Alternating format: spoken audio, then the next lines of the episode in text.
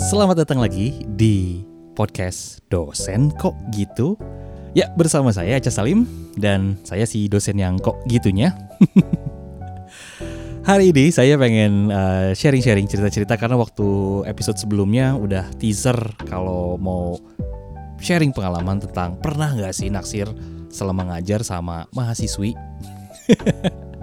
Well, inilah jawabannya ya. Jadi saya pengen cerita dulu nih, yang namanya naksir sama murid atau murid naksir sama guru wajar kalau menurut saya asal ada asalnya ya dilakukan dengan baik dan tepat. Maksudnya gimana tuh?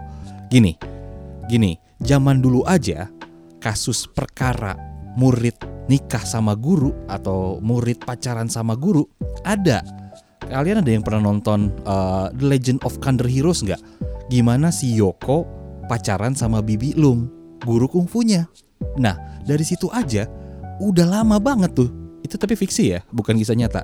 Hmm, yang kisah nyata, ya udah lupakan. Kita ambil aja contohnya fiksi itu. Uh, The Legend of Thunder Heroes di mana Yoko jatuh cinta sama Bibi Lung. Bibi Lung tuh dulu cantik banget, wanita paling cantik kayaknya di tahun 90-an. Yang saya tahu ya. Oke, jadi uh, dari situ uh, memang ada pertentangan-pertentangan, apalagi di cerita Bibi Lung dan si Yoko. Jadi kayaknya apaan sih kok murid sama guru berantem? Bahkan kalau nggak salah di filmnya itu yang diperankan sama si Andi Lau, ada adegan di mana ada seorang murid dan guru yang jatuh cinta tapi akhirnya ditimpukin batu rame-rame sampai mati berdua gitu. Aduh, nggak banget itu zaman dulu tapi di zaman sekarang mudah-mudahan nggak kayak gitu. Tapi ini juga ada alasannya. Jadi saya sempat terinspirasi gitu. terinspirasi. Nyari alasan aja. Jadi, saya dulu punya dosen pembimbing. Uh, dosen pembimbing saya nih uh, terkenal. Ya, jadi dosen pembimbing saya ini tampan. Baru pulang dari Jepang. Langsung ngajar di UI, jabatannya langsung des des des tinggi gitu ya. Dan uh, suatu saat ketika saya lagi kuliah ekstensi, uh, saya punya senior nih, cantik banget. Kayaknya semua angkatan saya nggak ada yang tahu, eh, nggak uh, ada yang nggak tahu maksudnya sama nih cewek, sama nih mahasiswi. Kita sebut saja dia namanya Wati gitu ya.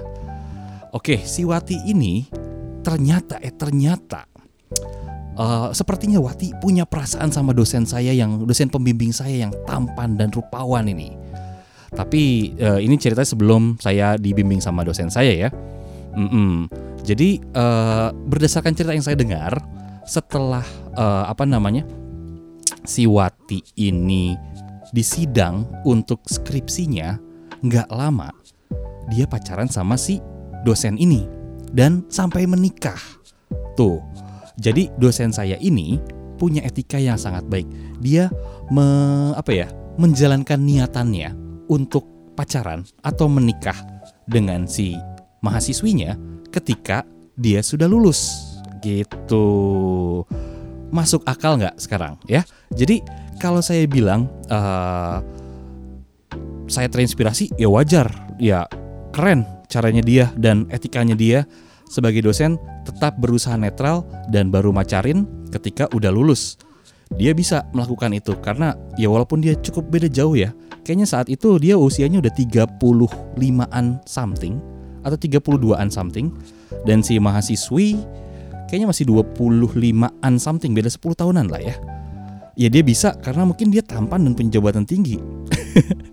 Tapi kalau saya ya saya tampak biasa-biasa aja. Uh, bukan lulusan luar negeri dari Jepang yang balik ke Indonesia terus punya pekerjaan yang mapan. Enggak sih. Tapi jujur saya pernah punya kejadian ini. Saya naksir sama mahasiswi dan sampai ber jadian lah bahasa anak mudanya. Cie. Ini kejadiannya di tahun 2017. Uh, jadi awal mulanya saya melihat memang waduh gila nih mahasiswi-mahasiswi zaman sekarang kece-kece ya bro gila tapi apa kabarnya kalau misalkan saya pacaran sama mahasiswi yang bedanya lebih dari 10 tahun malu nggak sih itu tuh kayak melanggar hmm, apa namanya melanggar sumpah diri sendiri yang nggak pengen pacaran sama perempuan di bawah umur 25 tahun. Saya punya peraturan ke diri saya sendiri seperti itu. Karena dulu menurut saya uh, perempuan di bawah 25 tahun itu masih sangat-sangat klingi itu satu uh, kedua masih agak-agak cukup belum menemukan apa yang mereka inginkan jadi cenderung punya tingkat kegilaan yang kedramaan yang agak luar biasa. Tapi nggak tahu ya ini perempuan yang saya temui waktu zaman saya muda. Tapi zaman sekarang saya nggak tahu apakah mereka lebih gila atau biasa aja. Baik sampai di situ ini tahun 2017 jadi uh, ada nih satu mahasiswi yang cakep menurut saya menurut saya lagi. Uh, gimana ya waktu ngajar di kelas sih saya ngelihat memang dia manis cantik gitu ya. Dan ada juga teman-temannya yang manis dan cantik tapi saya juga nggak gimana-gimana sama teman-temannya. Tapi memang pada awal saya memang melihat dia yang paling tipe saya deh gitu deh. Dia yang paling tipe saya. Tapi saya juga nggak bisa ngapa-ngapain gitu ya. Uh, harus menjaga profesionalitas. Profesionalitas. Jadi selama saya mengajar di satu semester saya memang nggak pernah kontak-kontakan sama sekali. Paling ada sesedikit-sedikit kayak dia nge-DM DM via Instagram kok bisa gitu ya? Ya saya suka nge-share Instagram saya di kelas supaya saya follow uh, mereka dan saya di follow mereka supaya nambahin followers juga itu satu. Sama saya pengen tahu kehidupan anak muda zaman sekarang. Saya suka banget ngelihat atau mendapatkan kembali gairah ketika seperti muda lagi gitu loh. Oke jadi uh, itu waktu saya ngajar dia nggak ada kejadian apa apa sampai pas di 2017 bulan apa itu ya uh, bulan uh, pokoknya saya lagi pergi ke sebuah acara kantor event kantor di Thailand. Bulan puasa saya ingat itu dia betul. Bulan puasa. Jadi pada saat itu uh, saya bekerja lagi di Thailand uh, terus kita DM DMan mulu. Saat itu dia masih jadi mahasiswi. Mm -mm, tapi lagi ngerjain tugas karya akhir. Kalau nggak salah inget ya. Dan bentar lagi lulus.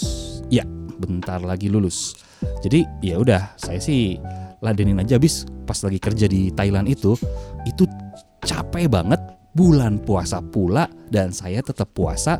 Acaranya tuh acara event gitu. Jadi saya tim advance yang datang duluan. Uh, mana itu Thailand lagi ya. Negara yang cukup bebas banget gitu. Dan uh, godaannya banyak sekali. Kerja dari pagi sampai malam biasanya sampai jam 2an Uh, dan di kala-kala misalkan jam 11.10 malam ketika saya lagi ada waktu kosong baru dia bisa balas-balasan DM dan itulah teman-teman uh, teman yang menemani saya ketika saya bekerja di luar itu adalah dia.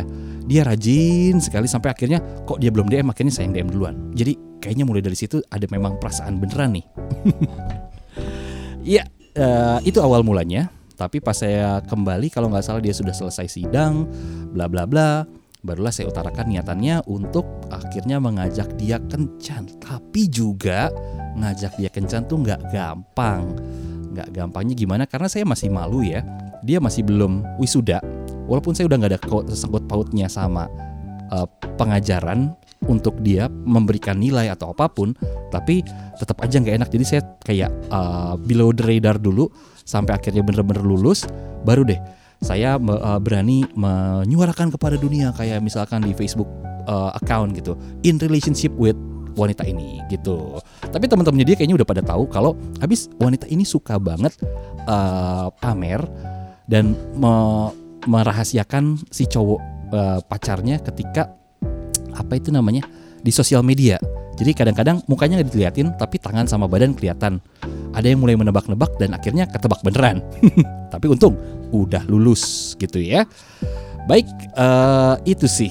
Jadi intinya saya memang pernah punya uh, pacar mahasiswi.